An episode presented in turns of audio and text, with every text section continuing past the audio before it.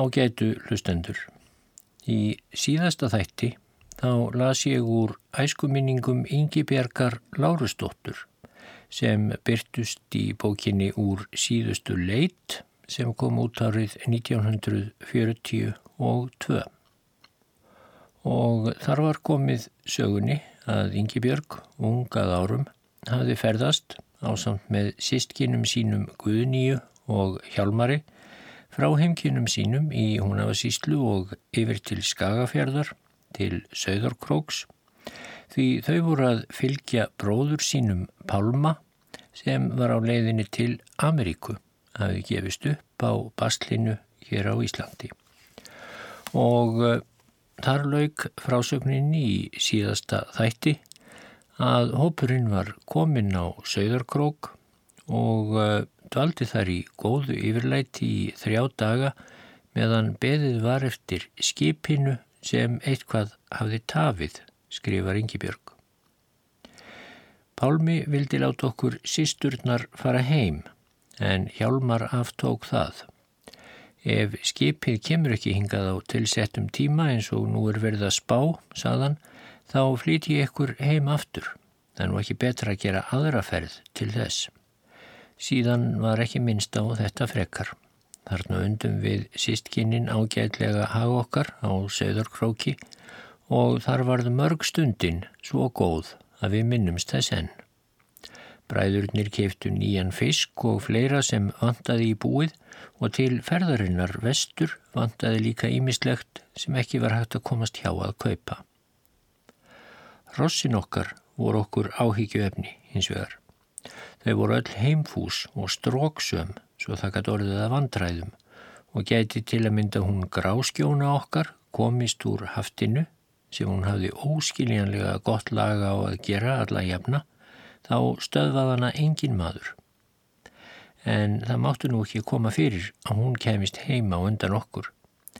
Ekki var þó hægt að fá hesthús eða skúr til að stinga þarinn hrossi á seðurkróki Allt var yfirfullt af farangri vesturfarana og jafnvel fólkinu sjálfu sem ráfaði um í stór hópum allan daginn.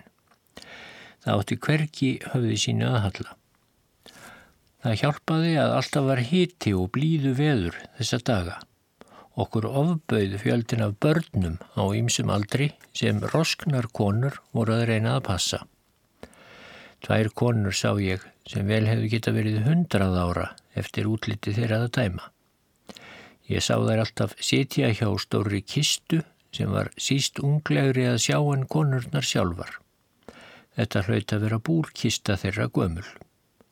Stór hópur af fólki á ýmsum aldri sapnaðist utanum þessar gömlu konur og þá var kistan opnuð og tekið upp úr henni pottbrauð, smjör og fleira góðgæti og raðað á kistulokið eins og borð. Þarna mataðist fólkið eins og það veri heima hjá sér fram í skagafjörðardölum þar sem það hafði átt heima eftir því sem mér var sagt. En um sannleik skildi þeirrar sagnar veit ég ekki. Mér gafst aldrei tækifæri til að tala við þetta fólk og langaði mig þó mikið til þess. Mér fannst það líkast útilegu fólki eftir því sem ég gætt hugsað mér slíkt fólk. Bræður mínir voru alltaf á ferðinni að elda hrossin okkar hálf uppgefnir. Svo kom síðasta nóttin sem við vorum á Söðurkróki. Klukkan sex að morgni blés skipið og um leið var engu líkar en fólkið slefti af sér öllum böndum sem fram að þessu hafi haldið í ískefjum, bæði að býða með þólinnmæði eftir skipinu og yfirstíga fleiri vandræði sem sjálfsagt hafi verið nokkuð mikil hjá sömum. Ég settist sinnlega upp. Mér hafi dremt svo óþægilegan draum að ég var ekki nærið því jafn góð eftir. Mér fannst ég vera alveik og átti erfitt með að komast á fætur. Ekki gætt ég drukkið kaffið sem húsferðiðan Sigurbjörg hverði mér. Sískinni mín spurði mig hvort ég væri veik. Ég sagði sem var að mig hefði bara dreymt íla. Annað væri það ekki. Þau vildu fá að heyra draumin en hann sagði ég þeim ekki. En fyrir hverju heldur þú að draumurinn verði, spurðu þau. Ég vona að hann sé bara markleisa tóm eins og flestir draumar eru, sagði ég. Best að eiga ekki við það meira. Því gamla máltækið segir jú, svo gengur draumur eftir sem hann er fyrst ráðinn. Mér gekk hins vegar ekki eins vel að sannfæra sjálfa mig um það að draumurinn væri markleisa tóm. Ég hafði oft tekið eftir því að mig hafði drimt bert og stundum fallið það illa, en þetta tók út yfir allt annað að mér fannst. Það var það fastri vissu í huga mínum að við sístkinin myndum ekki koma öllu lifandi heim aftur. Meðan ég klætti mig sendi ég heita bæn til Guðs að afstýra því að slíkt kemi fyrir. Þegar útkom sá ég að búið var að binda gömlu búrkistuna í ný rosshársreipi. Fjórir menn bárana fram á bryggju. Öymingja gömlu konurnar tvær fóru svo eftir þeim, báðar mikið haldar. Önnur gekk við hækju en hinn við staf. Ég sá að þær voru sorgbytnar. Ég gekk því til þeirra stilti mig ekki lengur um að tala við þær. Þá eru því nú að leggja upp, saði ég. Mér langar að taka í hendina á ykkur og óski ykkur góðrar ferðar. Báðar litu þær þakkláttar til mín. Önnur sagði, þú þekkir okkur máski? Ó nei, saði ég, en ég finn til með ykkur, því þeir er langa ferð fyrir höndum. Þær göttu mig vingjartlega, réttu mér hálf kreftar og slittnar hendurnar og önnur saði látt Þú ert fyrsta manneskjan sem hefur heilsað okkur hér á Söðurkróki. Við getum ekki talað við neitt þótt okkur langi til en það er nú ekki það þingsta. Mart annað er þungbært sem aldrei verður bætt í þessu lífi en við eigum nú stutt eftir. Í þessu komu tveir karlmenn og leittu þær burt, svo hurfu þær með fólkströmmnum, þessar gömlu konur á leiðinni til Ameríku. Allt var á hraðferð, alltaf var rekið á eftir. Skipið ætlaði að vera farið af höfninni klukkan tíu. Ég gekk inn aftur. Ömingja gamlu konurnar, sagði ég við sjálfa mig. Það er huggað sig við það eitt að stutt sé eftir ófarið af lífsleiðinni. Bræður mínir fluttu um borð allt sem Pálmi hafði meðferðis en við sýsturnar fylgdum einungis fram á bryggjuna. Þar kvöttum við hjóninn og litlu sísturnar, dætur Pálma og konu hans. Þar komust fá orð að. Þau voru líka óþörf. Þögnin tólkar hugsanirnar stundum betur en mörg orð. Þegar við komum til baka aftur, kom Sigur Björg út á mót okkur. Helst vildi ég að þið færiðu ekkert hérðan í dag. Það verður döflegt þegar þið eru öll farin, sað hún. Ég er búin að bera mat og kaffi inn til ykkar. Reyniði nú að borða með mér ég hefi gott af því. Nei, ég held ég verða eiga það til góða í þetta sinn, saði Hjálmar. Við erum búin að vera helmingi lengur en ætlað að vera í fyrstu og þeim mun nú vera farið að lengja eftir okkur, fóreldrum okkar, sem von er. Ég ætla því að bregða mér á eftir hrossunum en á meðan taka sýsturnar saman dótið okkar og svo leggjum við af stað. Það var reyndar orðin okkur framorðið þegar Hjálmar kom með hrossin. Honum hafði orðin okkur leit að þeim og þá saðan við Sigurbjörgu, húsfreyju, sem hafði hýst okkur. Herðu Sigurbjörg, þú ert ekki enn farin að tíja þig til ferðar. Ég held að þú ætlaður að nota tækifærið þegar svona martir af lausum gæðingum og þú hefur svo oft talað um hvað þig langaði til að sjá hún af að síslu. Hún er nú sjáandi núna eða á ég að skreppa eftir ykkur hjónum eitthvert lögardarskvöld í sumar. Það væri mér mest ánægi að mega það. Ætli við láta það ekki býða þánga til Þorstein maðurinn minn fer til Blöndós, saði Sigur Björg. Það hefur verið talað um að hann verði yfir smiður að kirkju sem er í ráði að byggja þar bráðulega. Jæja, þá látu við það býða, saði Hjálmar, en nú ætla ég að þykja einhvern bita hjá þér og svo kaffi að skilna þig en detti það í mig að sækja ykkur hjónin setna, þá ger ég það. Við skulum segja um miðjan ágúst. Segðu Þorsteini það með kerri kveðju frá okkur sískinum og miklu þakklæti fyrir allt það sem við höfum þegið hér í hans húsum. Orðin tóm verða að duga í þetta sinn þanga til öðru vísi skipast. Sigur Björg gekk svo með okkur upp fyrir krókin, þar kvöttum við hana með þeirri einlægu ósk að við fengjum að sjást aftur áður en langt um liði. Þegar við vorum komin á bak þá veifaði hún til okkar, óskað okkur fararheilla og kvarf síðan heim aftur. Við sýsturnar sáum hana aldrei aftur. En þegar við sískininn skildum við Sigurbjörgu þá tókum við eftir því að einn lausi hesturinn hafði týnt af sér pislinu og varða því nokkur leit. Ég fekk þá dálítið tækifæri til að skiknast um. Ég hafði ætlað mér dagana sem við byðum á króknum að ganga upp úr staðnum og njóta útsýni staðan en allstaðar var ókunnugt fólk í stór hópum og hætti ég þess vegna við það.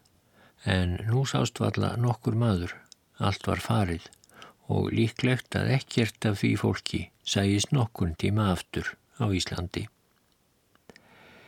Ég gekk nú inn til hér aðsins, allt var óskýrt, hita móða grúfði yfir svetinni. En við sálar sjónminni blasti síðasti bústaður bóluhjálmars, afamins, gammal fjárhúskofi, kofin sem ekki var ætlaður fyrir annað en söiði en þótti þó hæfur fyrir skáld. Þar hafði örbyrðin sett innsikli sinn á allt, miskunar löst. Inniríkti kuldi, myrkur, veikindi og dauði. Hver fær skilið skáldsins stóru eldheitu sál þegar það leggur frá sér hörpuna í síðasta sinn og þakkar henni allar samveru stundirinnar sem höfðu verið skáldinu allt. Þakkar Guði innilega fyrir þá gjöf sem enginn gat frá hjálmari tekið. Dægin áður hann dó þá orti hann tvær þrjár vísur til konunnar sem þá stundaði hann. Mart saði hún mér frá þeim dögum sem varð henni minnistætt. Ég set það ekki hér, en það er meira en þess verðt að segja það og fleira síðar. Svo leiti ég út á skagafjörðin, lignan og sléttan Bátar þutu fram og aftur millir lands og eiga með fuggl og fisk. Ég hugsaði um allar kynja sagnirnar sem ég hafði hyrt frá Málmei og Drángei en sönnusögurnar frá Drángei ristu dýfst. Og allt í einu fannst mér ég að vera stött út í Drángei á klettinum þar sem síðasti hildarleikurinn var háður um líf og dauða þeirra bræðra, grettis og ylluga. Mér fannst kletturinn drifin blóði þeirra bræðra og að hafið sjálft megnaði ekki um alla eilífð að fóða í burtu. En líklega væri það nú óhugsandi að Andi Grettis kæmi einhverja óveður snótt og tæki drangægi upp á sína tröllauknu arma og flegðinni niður í hafið þar sem dýpið væri mest svo að aldrei ytti á hana framar. Þetta er því síðasta Grettistakið Það er þó sagt að Grettir hafi með einum fingri getað gert gat í brúnina á Holtsnúp og skarðið í Hrútafellsfjalli þar sem hann ratt úr hamrinum sem drangur heitir. Hann er margar mannhæðir á hæð og eftir því ummáls mikill. Við hann er bærin drangslíð kendur og skarðslíð við Grettiskarð. Við vorum komin skamt á leið, sískininn, Þegar Roskin búndi úr vestur húnafasíslu rak fram á okkur marga lausa hesta og mæltist til samfélgdar við okkur. Hann hafði einnig verið að flytja fólk sem ætlaði með skipinu vestur um haf. Mér leist miður vel á mannin og var því lítið um samfélgdina gefið, en ég vissi að sáþótti glöggur sem göttuna sparaði og sagði ekki neitt. Svo gekk ferðin slísa laust þanga til við komum að göngusgarð sá. Hún var í vexti og þótti oft ílfær eða ófær yfirferðar að vorinu. Þegar við komum að vaðinu og átt að rekka hrossin út þá hlupuðu upp með annni og maðurinn reyð á eftir þeim. En af því að hann var drukkin þá hafði hann talsvert um sig og sígaði og argaði hrossunum út í ána en hugsaði minna um hvort hún væri fær eða ekki.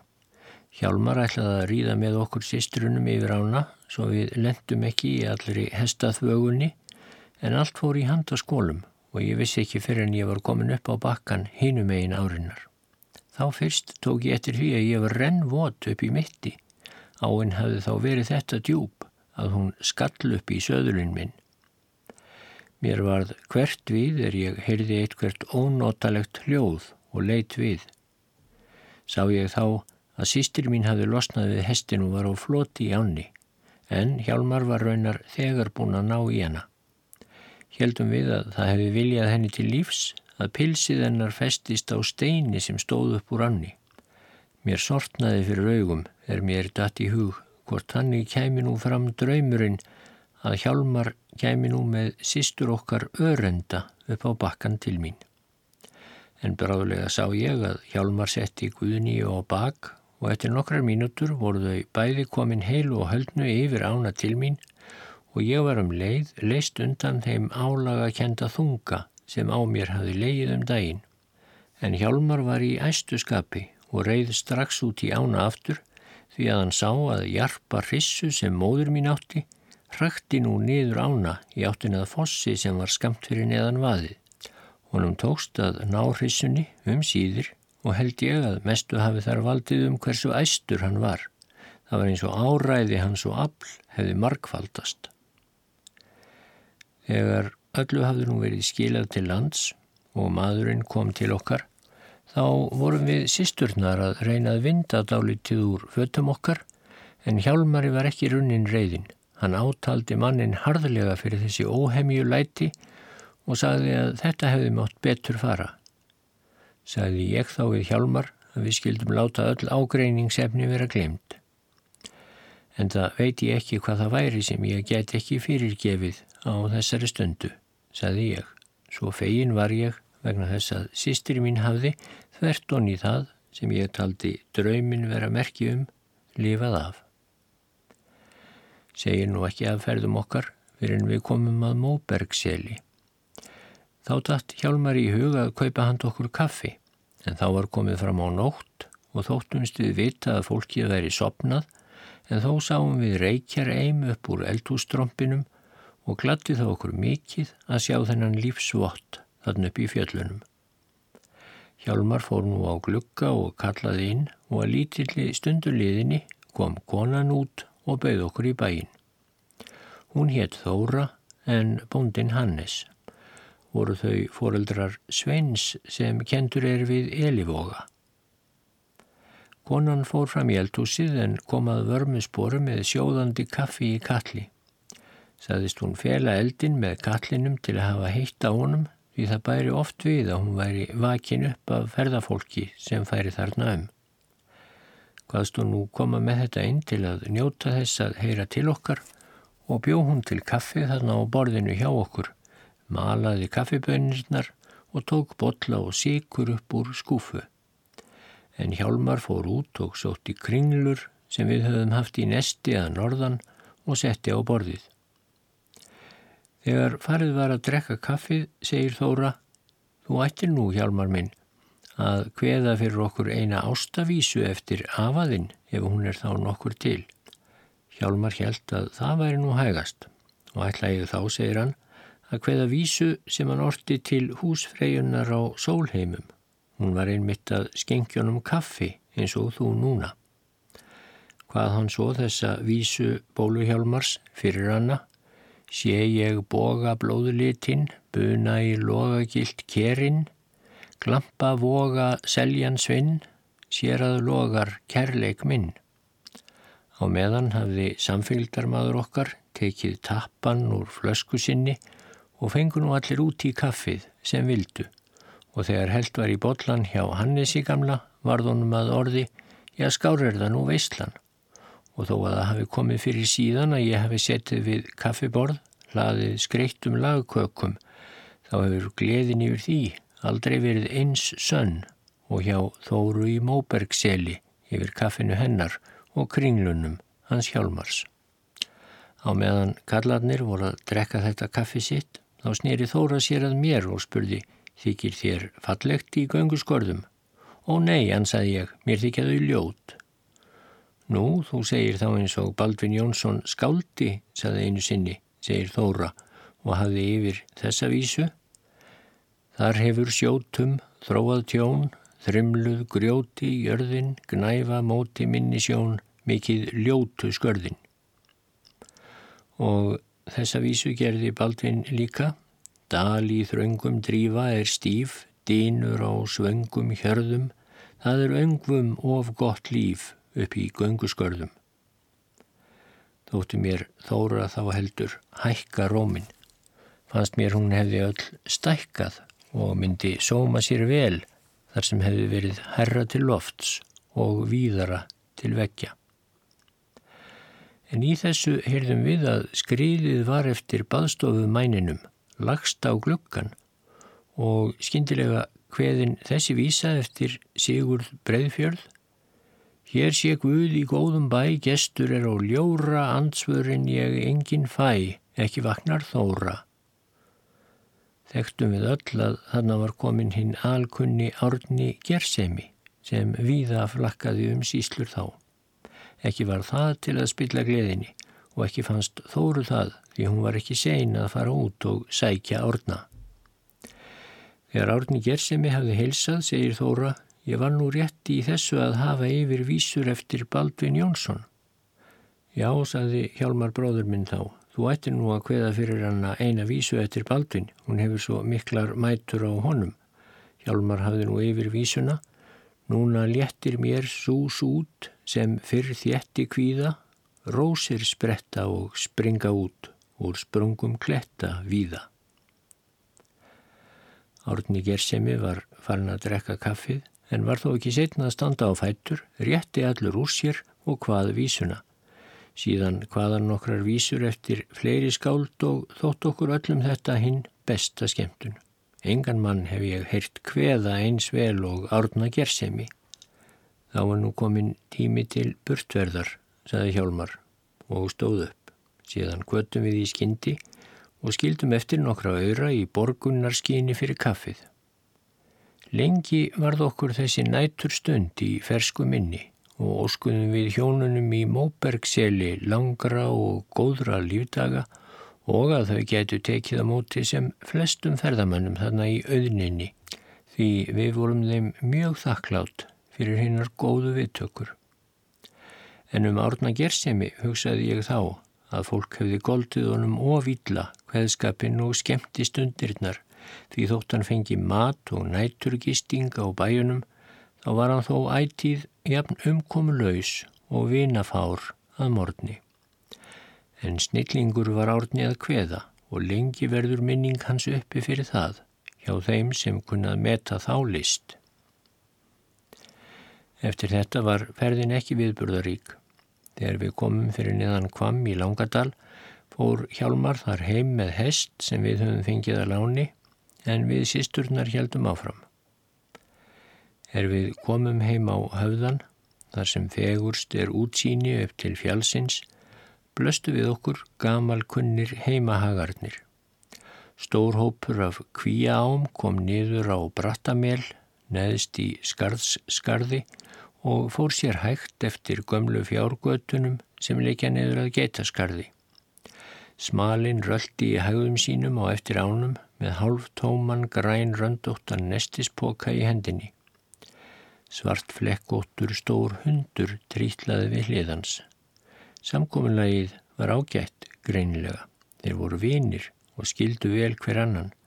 Nestið var eign þeirra begja og þegar vond var veður og báðir skulfu skriðuðir undir sama skútan og nötu eilsins hvora af öðrum og hugsuðu báðir margt til sama. Hvorugur mátti án annars vera. Allt í einu sá ég á höfðanum bæin sem bróður minn hafði lagt hornsteinana undir uppi í strjúkskarði. Þarna stóðan nú fullgerður. Þakkið var full sprottið og fagur grænt. Punturinn, fýblar og sólegar tegðu sig í áttina til okkar og buð okkur góðan daginn og þroska miklir brúskar af baldursbrá hölluðu sér út fyrir vekkbrúnina og brostu indislega til okkar. Heima var búið að ljúka upp bænum og taka opin eldin. Reikurinn fór hamförum yfir hólana og hann lagði upp til fjálsins. Móður okkar kom sunnan stjettina með tvær mjölkurfötur úr fjósinu en fadur okkar gekk snöggklættur söður göttuna og eftir kúnum og hottaði á þeir, svo þeir fengi ekki tíma til að fá sér tukku af ljánni sem lá begja megin við göttuna. Nýslegin breyður krægi var allt í kringum bæin og loftið var þrungið töðu ilmi. Í þessu kom Hjálmar, hann raka undan sér lausuhestana og fór nokkuð greitt svo að höfðin hristist og bærin hrundi til grunna en það hafði ég ímyndað mér að hann væri þarna full ger. Þegar við komum heim stóðu foreldrar okkar á hlaðinu, tók okkur tveim höndum eins og vant var. Föður okkar voru það sár vonbregði að Pálmi kom ekki heim aftur með okkur.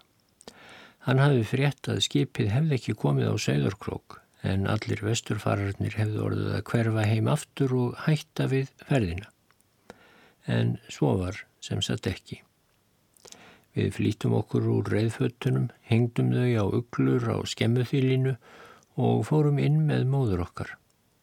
Allt var í besta lægi, sópað og prítt, hver hlutur á sínum stað eins og aldrei hefði verið við neinu hakkað.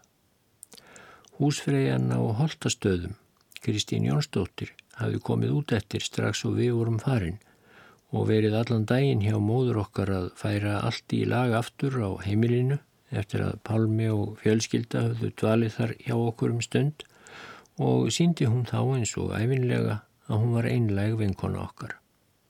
Alla dagana sem við vorum fyrir norðan satt hún hverja stund sem hún gætt mist hjá fóröldurum mínum, huggaði þau og resti. Þetta voru þeim erfiðir dagar og lengi þar á eftir. Fegin hefði ég geta viljað verað hjá þeim nokkra daga en ástæður mínar lefðu það ekki. Pálmi skrifaði ferðasögu sína heim sent um sömarið. Hann var fáorður um líðan sína og hefur jafnan verið það síðan. Eina skiptið sem Guttormur Guttormsson, skáld í Vesturheimi, var hér á ferð, þá var hann svo góður að heimsækja mig og tafði meðan tími lefði. Er ég honum enn mjög þakklátt fyrir þá stund. Hann saði mér margt af Pálma bróður mínum og fólki hans let vel af því öllu. Bróður minn hafi komið upp tíu efnilegum börnum vestur í Ameríku og hafi nú sigurast á flestum erfileikum, jáfnvel að miklu leiti því sem allara verst var að yfirvinna óindinu fyrir vestan hafið eða heimþráni. Hún verður mörgum Íslendingum erfið, sagði Guttormur, um leið og hann fór út úr dýrunum hjá mér og leið hans lág aftur vestur, heim.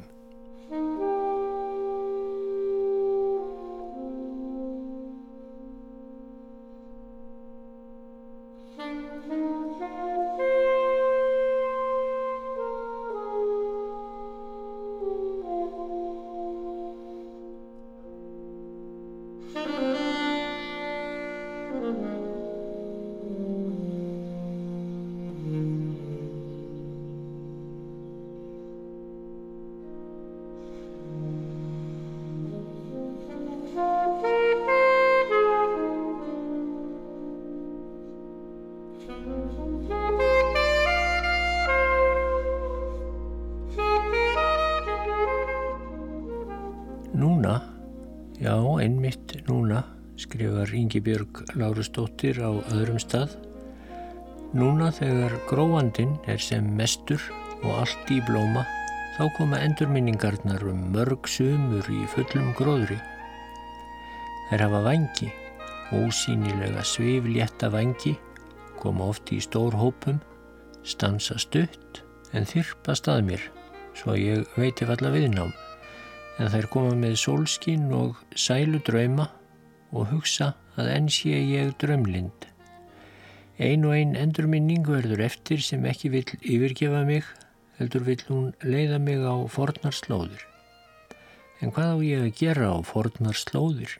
Þar býður mín ekkert af þeim dýrmæta auði sem ég átti þar áður og var mér ómetanlegur. Lítill gotbær stóð í skjóli undir fagurri fjálslýð Það var æsku heimilið mitt. Þar lágu æsku spórin og þar dreymdi mig æsku drauma mína. Allt er nú tínt fyrir löngu. Þar átti ég stóran hóp af sískinum. Það var oft í gotikátt. Látrar og gleðisöngvar bárust langar leiðir. Nú eru þau komin sitt í hverja áttina, sögum dáin og foreldrar mínir laungudánir. Heimilið allt horfið mér fyrir laungu, ekkert eftir. Nú er þarna stein hljótt, ekki svo mikið sem ómur af bergmáli eftir. Fjallið þeir, en hjarta mitt stínur undir auðuninni, yfir þögninni þegar ég hugsa um það liðna. En þrátt fyrir þessa þögn og auðun þá minnir hver sólríkur sunnudagsmorgun mig á sveita sælu, kluknarringingu og kirkjuferðir. Ég sé í huga mér stóra hópa af prúðbúnu fólki streyma til kirkjunar okkar, gangandi og ríðandi, margt gangandi.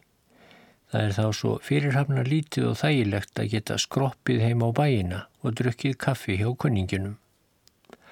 Og þó maður geti ekki farið til kirkju er svo ótal margt í sveitinni sem hægt er að una við dag langt og dag eftir dag áriðum kring.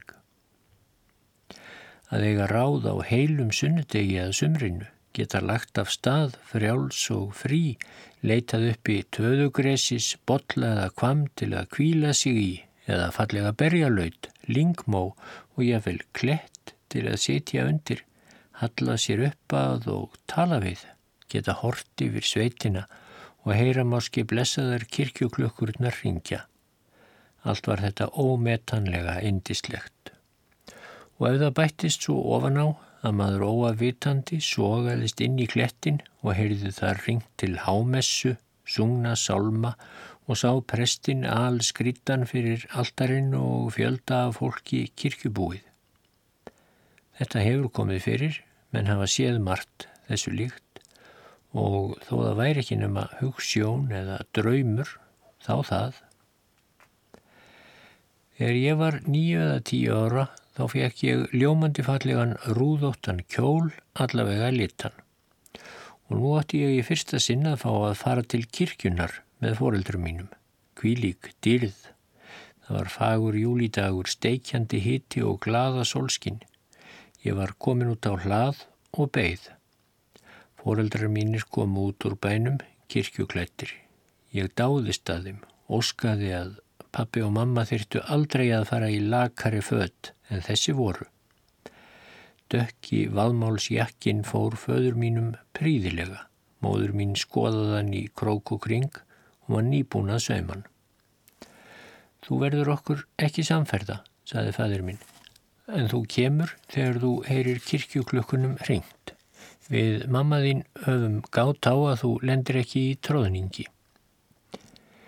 Ég hljóp með þeim suður á bæjarhólinn og stóð þar og virti bæinn fyrir mér, kvann grænan, skreittan, fýblum, sólei og baldursbrá, sólskríkjan söng á þakkinu.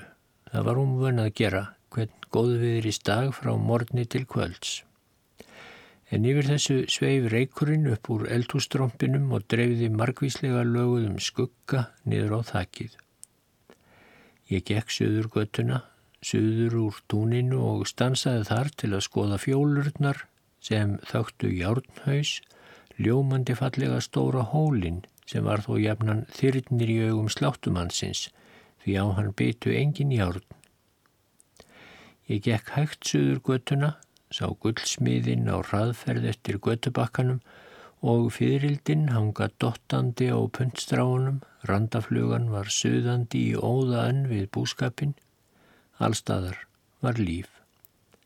Kýritnar af næstu bæjum lágu í stórum hóp framann í hjallanum þar sem þær gengu á daginn. Það var líkast til að sjá eins og þær hefðu verið breyttar þar til þerris. Þær voru allavega skjöldóttar flestar. Fyrir ofan göttuna, milli bæjana, var grasi grón brekka en svo stór grít að hún var aldrei slegin. En hvað hrútaberjalingið var fallegt. Það var bláberjalingið líka, ekki síst meðan berin voru að spretta. Það var indislegt að sitja þarna í hávöxnu grasinu, svo blóm auðugu og hlusta á steindeplana með ungana sína sem tiltu sér á steinana og sungu allt í kringum mig. Móður mín kom að móti mér. Hefur þú verið að gráta barn? spurði hún. Það var nú lítið þegar ég látt og rétt henni höndina svo hún gæti leitt mig. Hvað er að? Ég veit ekki, Ég var svo sæl, mér datt svo margt fallegt í hug, svaraði ég. Það ætlar að verða messufært í dag, saði Roskin bóndi við móður mína. Ég man ekki eftir annar eins mannmerð og þrýr hópar koma fram að nesið og fjöldi er á ferjubakkanum. Allstaðar var fólk að heilsast og tala saman, sumt í hljóði. Háttíðablær var yfir öllu. Móður mín hálf tróð sér inn í bæjardirnar. Stór hópur af fermingarbörnum hljóp út hjá okkur og lág vel á þeim. Mér heyrist einhver verið að gráta, kvíslaði ég að móður minni. Hún litaðist um, gekkað dýrahörðinni sem ekki fjell alveg að stöfum. Hún leithangað inn, þar stóð drengur og grétt sárt. Við þekktum drengin. Hann hétt Jóhannes og var á sveitinni og barða með sér að hann átti engan að. Hvað er að þér, Jóa minn? spurði móður mín. Henni gekk íllað að skilja hvað hann sagði Þó komst hún að því að honum hafi verið vísað frá og að enginn vildi þess vegna taka hann í vist. Við skulum sjá til, þetta lagast allt, hertuðu upp og býtu mín hérna. Ég ætla að tala við prestin. Prestur satt í stofu og margt af bændum og rættu þeir um landsins gagn og nöðsinjar. Ekki var móður mín búin að vera lengi inn í stofunu þegar bændurinnir voru farnir að hafa nokkuð hátt og presturinn líka og ég þóttist skilja að allir væru þeir á móti því að jóilitli er þið fermdur. Meðferðin á drengnum er í alla staði ósæmileg, sagði móður mín. Það kvílir skilda á okkur að sjáum að hann verði fermdur og geti unnið fyrir sér hvað sem líður óþryfnaði og fataleysi. Þetta myndum við ekki láta neitt þurfa að segja okkur ef við ættum drengin sjálf en hann er munnadarlaus en ekki er hann nú þar fyrir réttlaus. Okkur öllum sem hér erum nú stött er innan handar að bæta úr þessu á margan hátt svo að um muni. Lengi var um þetta þráttað. Þángu til prestur segir að ef Jói geti lært það sem hann streikaði nú við í hverjunu hans, þá er þann að ferman. Við að það er þann að játa að hann geti ekkert lært og það vissu allir og þess vegna ekki eftir neina að býða með hann en repstjóri er það að sjá um fött og annað sem með þyrti. Móður mín sagði svo Jóa að prestur vildi finna hann og hann þyrti engu að kvíða. Hann yrði fermdur með hínum börnunum næsta sunnudag. Þá fengi hann falleg fött og repstjórin sem væri besti maður sæði honum fyrir góðum stað að búa á. En nú yrðan þó að reyna að herða sig og læra það sem presturinn sett honum fyrir. Þá saði Jói það sem lengi var haft að orðtæki eftir þetta. Auðmingin hú að vera að hussa um mig.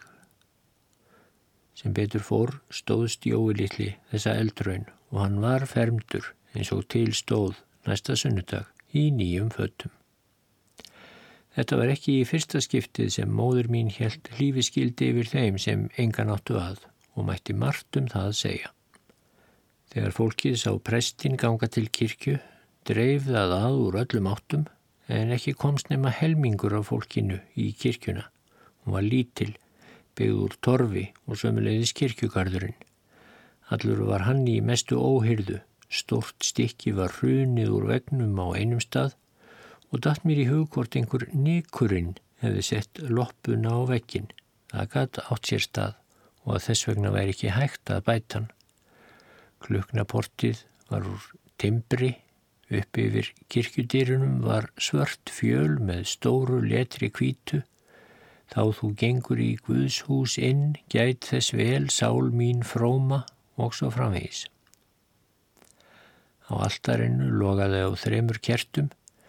Mér fannst mikið til um pretikunarstólinn með öllum helgimyndunum og þá ekki síður um altaristöfluna. Það var kvöldmáltíðin síðasta. Meðhjálparinn kom fram í kórdirnar og las bænina látt og lotningarfullt. Um prestin hugsaði ég ekki og tónið fannst mér eftirminnilega leiðinlegt og ömurlegt. Mér fannst leta af mér þungu farki þegar ég slapp aftur út úr kirkjunni. Ég kom oft í holtastadi kirkju eftir þetta en við allt önnur tækifæri en í þessari fyrstu kirkjuferð og þá líka með allt öðrum hugsunum og tilfinningum eða þá ég var orðin færari að skilja það sem ég sá og heyrði. Tveir sunnudagar eru það sérstaklega sem ég minnist og þá um leið hvernig Holtastadakirkja leit út þegar ég sá hana í síðasta sinni. Ég kvatt hana þá með tárum. Svo mörg voru þau orð, Ingi Björgar Lárastóttur, þegar hún skrifaði þáttum sína fyrstu kirkjuferð. En auk æfiminninga og ímislegs af því tægi þá skrifaði Ingi Björg líka um ímsa dullræna reynslu sem bæði hún sjálf og sveitungar hennar hafðu orðið fyrir. Í æfiminninga hverinu úr síðustu leit eru nokkrir þættir af því tægi og ég ætla að lesa einn þeirra að lokum. Það var skömmu fyrir síðustu aldamót 1900 að senda átti bát frá Blöndósi vestur á Vassnes nokkru fyrir jól. En vegna ótíðar dróst þetta dag frá degi og það var ekki fyrir en komið var nokkuð fram á Þorra að stilti svo til að gerlegt þótti að fara þessa ferð var þá þegar farið að útbúa allt sem best til fararinnar. Hinn tiltekni dagur rann upp, bjartur og með hörku frosti. Formaður fararinnar var duglegur og hafði röska menn sér til fylgdar. Áður en full bjart var af degi höfðu þeir drifið bátin á flott og komist út úr óstnum heilu og höldnu. Þó eitthvað gæfi á bátin þá voru blöndósingar því vanir. Úti við Hafsbrún var þykkur kolsvartur þókubakki. Þó veður væri bjart var útlitið samt ekki ofgott því alltaf þótti ílsvon þegar norðri breytti úvinn þókufeld yfir Spákonufellsborg og Norðurfjöllin eins og hann gerði nú. Karl sem gísli hétt Brandsson og margir kannast við að minnstakosti fólki í húna þingi hafði verið á röldi niður við sjó þegar báturinn laði frá landi. Sagðist Gísla svo frá að einkennileg svört fliksa hefði verið í kjölfari bátsins en ekki vildi hann segja hvaða var. Hann sagði einnig að sig hefði verið að dreyma alla nóttina að hann væri að fljúast á við útsel og að sér væri það æfinlega fyrir íllu. Líklega væri þessi draumur helst fyrir hafís enda hefði frétt komið um það að hafísinn væri þegar orðin landfastur við Skagatá. Mér varð oft litið út um gluggan á húsi mínu þennan dag því að úr honum sá ég vel til hafs. Eitt sinn þegar ég leit út sá ég nokkra langferðamenn sem gengu eftir göttunni skamt frá húsinu Allir voru þessir menn með póka bundnaðum öxl sér, stuttust við langa brottstafi, voru með nýðurflettar húfur og í þykkum jökkum. Þeir virtust hafa gengið í snjó upp að njám og voru þreytulegir útlits. Flestir voru mennitir ungir að sjá, nema þrýr sem voru nokkuð roskinmannlegir. Engan þeirra þekkti ég, en mér þótti þeir berða með sér að þeir veru vermenn á söðurleið. Ég óskaði þeim í huganum velfarnáðar og að gæfan flyttið á heila heim aftur til vina og vandamanna. Rétti þessu kom til mín kona. Hún stóð á öndinni af mæði, hafði hlaupið upp til mín til að segja mér að hún hefði hitt hópa vermönnum utan af skaga. Þeir hefðu ætlað til sjóróðura söður í Njarðvíkur en allt væri fullt af ís á skaganum og inn á skagaströnd og þar sem vestværi að hafísinn væri komin inn fyrir eigarei og á hraðri ferð inn flóan. Og svo lauk konan sögu sinni með þessum orðum, það lítur ekki vel út með bátinn sem fór hérðan í morgun, hann verður líklega fastur í ísnum. Við skulum þá vona og byggja til Guðs að gefa það að þeir nái landi á Vasnesinu, saði ég, og þá geta þeir gengið aftur hingað heim. Já, það er vonandi að svo verði, en nú er að koma sótsvört þoka svo ekki sér til næstu húsa, lítu bara út um gluggan, saði konan. Mér varð letið út.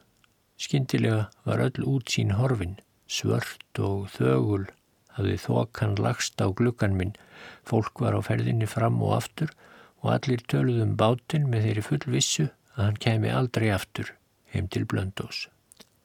Ég var brátt orðin döðþreytt á þessu öllu og hefði viljað getað komið ró á hugi fólksins en það var ekki á mínu valdi.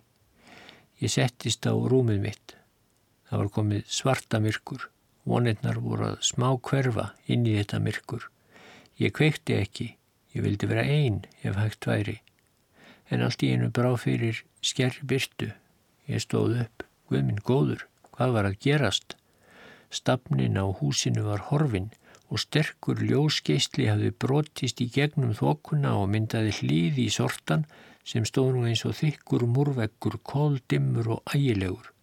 En ljósmagnir var svo mikið að ég sá vel vestur á Vastnes og fór þá að litast um eftir bátnum. Ég kom fljótt auga á hann, ég taldi mennina, þeir voru allir með tölu, þeir eru lífróður og stemdu á Vastnesið.